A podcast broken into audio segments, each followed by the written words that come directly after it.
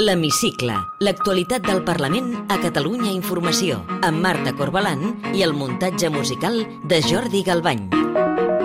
La setmana parlamentària ha estat marcada un cop més per la possible inhabilitació del president de la Generalitat, Quim Torra. Mentre espera la resolució del Suprem, aquest dimecres tornava al Tribunal Superior de Justícia de Catalunya. Compareixia davant el jutge que instrueix la segona causa per desobediència per no haver retirat la pancarta de suport als presos independentistes i als exiliats. El president es va acollir el dret a no declarar perquè creu que la sentència ja està escrita. Benvinguts a l'Hemicicle. Aquesta setmana entrevistem escoltem el cap de l'oposició, Carlos Carrizosa. Jo li he dit al magistrat que aquell no era un tribunal neutral, que digués el que digués, que fes el que fes, la sentència ja està escrita i que, per tant, doncs, eh, m'acollia el meu dret a no declarar. Torra va anar al Palau de Justícia acompanyat dels partits i les entitats independentistes.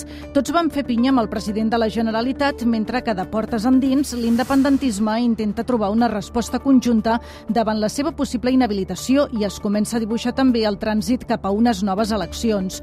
Un dels punts de fricció són les atribucions que tindrà el vicepresident Pere Aragonès. Ell serà qui substituirà Torra si finalment és inhabilitat.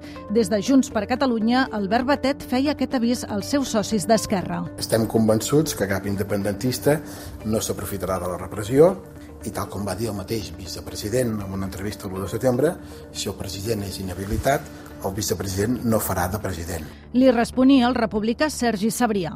És evident que Pere Aragonès en cap cas ha vingut a fer de, en cap cas ha vingut a fer de president i crec que el senyor Batet no ha de tenir fred de peus, que ningú s'ha de, que ningú s'ha d'espantar assumirem el rol que ens pertoqui. Estem disposats a pactar-lo. I mentrestant, el diputat de la CUP, Carles Riera, carregava contra Junts per Catalunya i Esquerra. Ens trobem uns partits de govern que en aquests moments estan tancats en els seus despatxos parlant de la governança en els propers mesos, però de la governança no tant des del punt de vista de les polítiques que són necessàries per fer front a la crisi, sinó del repartiment de les cadires.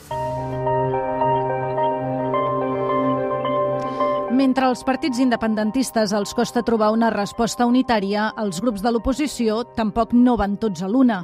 El líder de Ciutadans a Catalunya, Carlos Carrizosa, va moure fitxa i va proposar al PSC, als Comuns i al PP una reunió a quatre bandes per buscar una resposta perquè no hi hagi un bloqueig institucional en cas d'inhabilitació del president. El diputat del Partit Taronja, Jorge Soler, insistia que Catalunya no es pot permetre una paràlisi de les institucions en plena pandèmia. Estem davant d'una segona onada i davant davant d'una segona onada el que no podem permetre és tenir paralitzada Catalunya, el que no podem permetre és tenir partits que es dedicaran i es dediquin, com altres vegades, a incendiar els carrers o a tancar el Parlament. Però la reunió a quatre bandes que proposava el cap de l'oposició no va despertar gaire entusiasme ni a les files del PSC, ni dels Comuns, ni del PP. La socialista Eva Granados ha plantejat que la reunió sigui amb tots els grups de l'arc parlamentari. Quan es produeixi, el que farem és parlar amb totes les forces polítiques, amb totes i cadascuna d'elles que s'asseuen en, el, en els escons del Parlament de Catalunya, i el que posem de relleu és que no podem perdre més temps per la convocatòria electoral. La cap de files dels comuns, Jessica Albiach, s'expressava en uns termes similars. Per nosaltres eh, no hi haurà una reunió a quatre amb, amb Ciutadans i el que sí que crec que seria bo és que totes les forces polítiques del Parlament de Catalunya foren capaces de seure i de veure eh, com reaccionem amb unitat davant mm, d'aquesta malaurada hipotètica notícia. El líder del Partit Popular a Catalunya, Alejandro Fernández, va posar en quarantena l'oferta de Ciutadans fins que el Suprem es pronunciï. Nosaltres no faríem cap moviment fins que la justícia es pronunciés de manera definitiva. Crec que és el més normal i com que no ha passat encara, eh, s'ha de respectar els terminis de la justícia i, i, per tant, fins i tot no només els terminis de la justícia, és els terminis de la justícia i si finalment aquesta situació de bloqueig es consolida. Avui, al Parlament, posem el zoom sobre...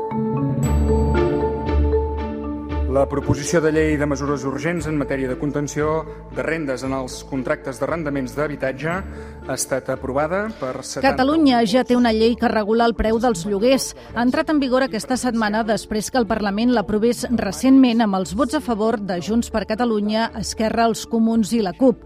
A grans trets, aquesta llei estableix que els contractes nous de lloguer hauran de mantenir el preu anterior, o sigui que quedaran congelats. L'altra novetat és que el preu s'haurà de rebaixar quan el que demani el propietari superi el que marca l'índex de referència de la Generalitat per aquella zona.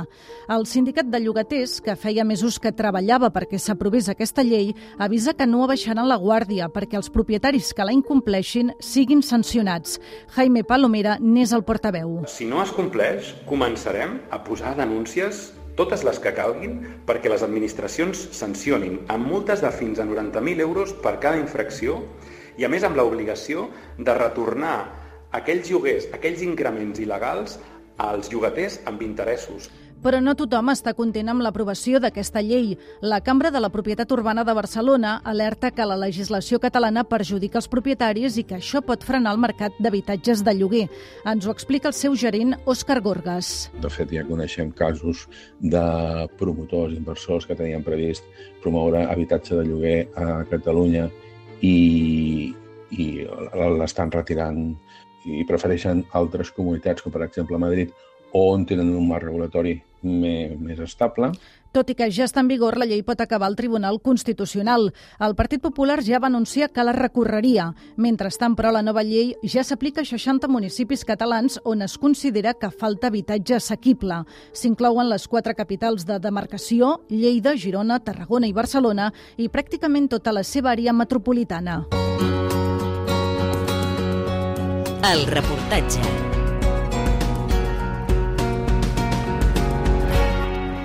Aquest 2020 se celebren els 40 anys de la restitució del Parlament després de la dictadura. A l'hemicicle hem parlat amb la Cati Aro, que porta quatre dècades treballant a la cambra catalana. Ella va viure en primera persona i des d'una posició privilegiada el primer ple del Parlament restablert. Era el 10 d'abril del 1980. Treballava d'estanotipista. Asseguda en una tauleta al centre de l'hemicicle, la Cati s'encarregava de prendre nota de tot el que es deia al ple per després poder fer el diari de sessions. 40 anys després després, ara treballa al Departament d'Informàtica i gestiona els portals d'informació del Parlament. Senyores, senyors diputats de Catalunya, la primera sessió del Parlament de Catalunya queda oberta el secretari... 10 d'abril del 1980, el president de la Generalitat, Josep Tarradellas, donava per començat el primer ple del Parlament després de la dictadura. La Cati Aro en prenia nota amb la seva màquina d'estenotípia. Jo tenia 18 anys, era molt joveneta, tot plegat era realment impressionant, el lloc, el moment històric... Recordo que a casa meva els meus pares estaven realment bueno, impactats perquè bueno, doncs ells havien viscut la guerra, el meu pare havia viscut el camp de concentració, etc. i doncs el fet que la nena entrés a treballar en el Parlament i en un moment com aquell doncs va ser realment molt emotiu. De la presidència de la Generalitat de 2 d'abril de 1980. Hi havia moltíssima gent, moltíssima seguint la sessió, moltíssima gent al parc. Quan es va declarar constituït el Parlament, eh, es va cantar el cant dels segadors per primera vegada. I bueno, ens vam posar drets, diputats i treballadors i allà plorava tothom. Tant uns com altres, jo crec que fins i tot algun periodista. Realment va ser un moment molt bonic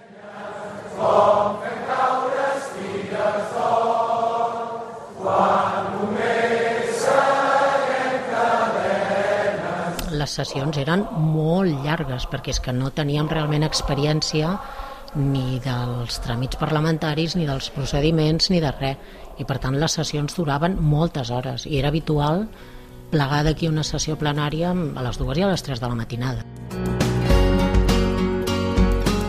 Si no recordo malament, a la primera legislatura hi havia set dones, set o vuit, no n'estic segura, i crec que en aquest moment són 50 i pico.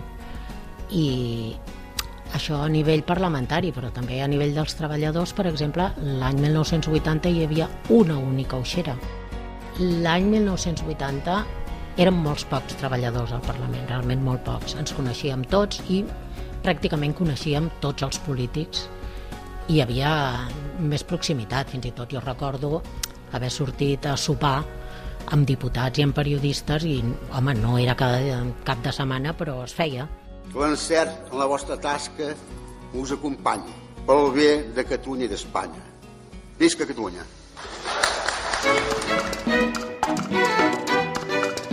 Té la paraula Carlos Carrizosa, eh, president del grup parlamentari de Ciutadans i cap de l'oposició. Gràcies per atendre'ns a l'hemicicle de Catalunya Informació.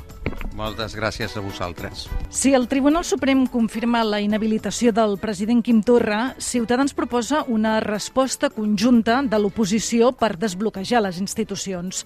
Una manera de no allargar la paràlisi institucional seria, per exemple, la convocatòria d'eleccions, com demanen la majoria dels grups d'aquest Parlament.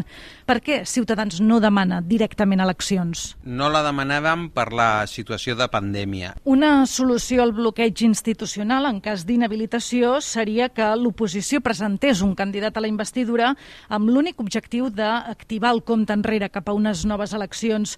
Vostè estaria disposat a presentar-s'hi per activar el rellotge? Abans hem de parlar amb la resta de partits de l'oposició perquè hi ha diverses fórmules per desbloquejar que totes passen perquè si no hi ha un president de la Generalitat, eh, investit, a llavors han d'haver-hi eleccions i nosaltres ens aplicarem a, a, a que hi hagi aquestes eleccions, sigui pel camí que sigui. Però l'opció o la fórmula que l'oposició presenti un candidat a la investidura està sobre la taula. Seria una de les fórmules o, o la descarten taxativament? És una de les fórmules i, per tant, estarà sobre la taula a les converses que mantinguem amb la resta de partits de l'oposició. Justament fa una setmana, aquest mateix programa, l'Hemicicle de Catalunya Informació, el president del Parlament anunciava que si no hi ha un candidat a la investidura, el rellotge s'activarà automàticament perquè equivaldria a una investidura fallida. Vostès confien que el president Torrent activarà el rellotge automàticament? Hauríem de confiar en una democràcia normal. Aquí a Catalunya, malauradament, tenim polítics que estan acostumats a saltar-se les lleis i el reglament del Parlament però si el reglament del Parlament funciona com ha de funcionar, el senyor Torrent, d'una manera o una altra, té la clau per posar el rellotge en marxa, per començar eh, per dissoldre el Parlament si no hi ha un candidat investit i, per tant, que tinguem eleccions més o menys al febrer. I en cas que algun grup de l'oposició presentés un candidat a la investidura, encara que no tingués prou suports, creuen que el president del Parlament estaria obligat a sotmetre a la votació i, per tant, a convocar un ple d'investidura? Això ja s'ha fet en dues ocasions eh, i s'ha convocat al Parlament sense que el senyor Artur Mas tingués els vots suficients per, per ser investit i també, en el cas del senyor Turull, es va convocar un ple pensant eh, que no tenia eh, la, els, els suports necessaris per ser investit. Per tant, si ho han fet dues vegades, no veig per què no ho han de fer una tercera. I en cas que no ho fessin, vostès mm, pensarien en portar aquesta decisió a la justícia, per exemple? Nosaltres no descartem anar a la justícia si pensem que el senyor eh, Torrent s'està saltant les lleis per bloquejar el que els catalans puguin anar a escollir a les urnes el rum de Catalunya dels pròxims anys. Si per un pacte independentista ells resolen que no hi, no hi tindrem eleccions, que ens hi dona dret la llei, sí que valoraríem qualsevol, eh, diguem, qualsevol acció, inclús les judicials. El govern espanyol començarà a tramitar la setmana que ve les peticions d'indult que s'han presentat per als líders independentistes que són a la presó condemnats pel Tribunal Suprem. Creu que se'ls acabarà concedint aquest indult? Doncs eh, la nostra posició és que no s'hauria de concedir, primer, perquè els polítics no han d'indultar polítics, ens sembla malament, i segon, perquè en, en el cas d'aquestes persones se'ls se estaria mirant d'indultar quan ni tan sols han reconegut la gravetat dels fets i que diuen, eh, a més a més, que ho tornarien a fer. Aquesta setmana també hem sabut que el govern espanyol vol accelerar una reforma del Codi Penal per reajustar el delicte de sedició i poder així rebaixar la pena per als presos del procés.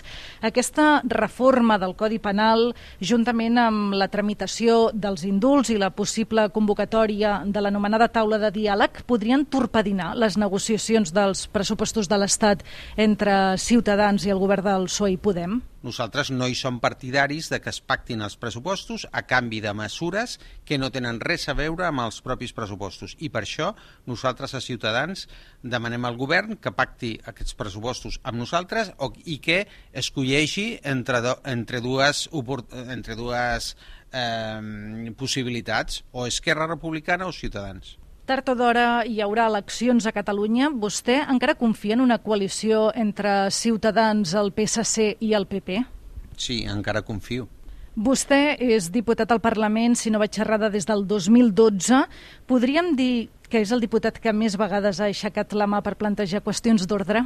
Doncs ara que ho diu vostè, sí, potser sí. Fa mesos que ens ha tocat conviure amb una pandèmia i a vostè li va tocar molt de prop perquè va estar fins i tot ingressat a l'hospital. Què n'ha après de tota aquesta època que estem passant? El valor de la, de la llibertat per fer el que vulguis al carrer, el valor de, de la, de, la, de, la, de la sanitat pública, que és importantíssim. M'han dit que vostè és un gran aficionat a la paleontologia. D'on li ve aquesta afició? Pura curiositat i, i jo crec que és com una... és pensar que el nostre planeta fa 540 milions d'anys va haver-hi la, la gran explosió de la vida en el període càmbric i que després ha evolucionat tot i que el nostre i que la nostra espècie porta aquí poquíssim al planeta. I tota aquesta història o prehistòria sense cap veu humana al planeta és fascinant i ens ensenya molt de com passa el temps i com les espècies van deixar, desapareixent i evolucionen i és una, un ensenyament bestial de, de tot, de, de, del sentit de la vida. Si ens hagués de recomanar algun llibre, seria algun clàssic greco-llatí? Podria ser, la Ilíada es pot recomanar perfectament. A banda de ser un gran lector de clàssics greco-llatins, vostè també col·lecciona còmics. Sí. Quants en té? Tinc diverses o sigui, va, diversos mobles a casa meva amb, amb, amb còmics. Tinc de, to, de tots. Tinc còmics espanyols, tinc còmics eh, nord-americans, sempre editats a Espanya, però de mol, moltes col·leccions diferents.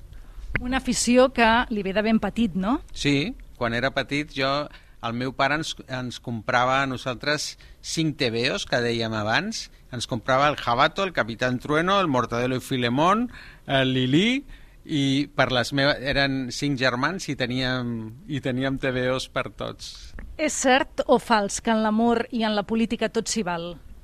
És fals, absolutament fals. No s'hi val tot en l'amor i no s'hi val tot a la política. I ja per acabar, completi aquesta frase. El que més m'agradaria del món és...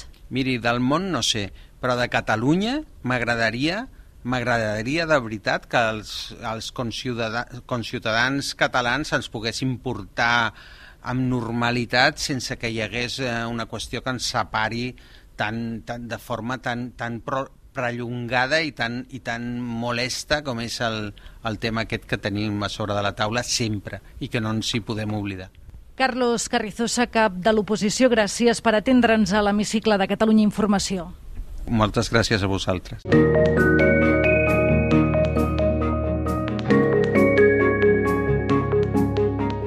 Tornar a escoltar l'hemicicle al web catradio.cat barra hemicicle o al podcast del programa i seguir l'actualitat del Parlament al perfil de Twitter arroba L-hemicicle.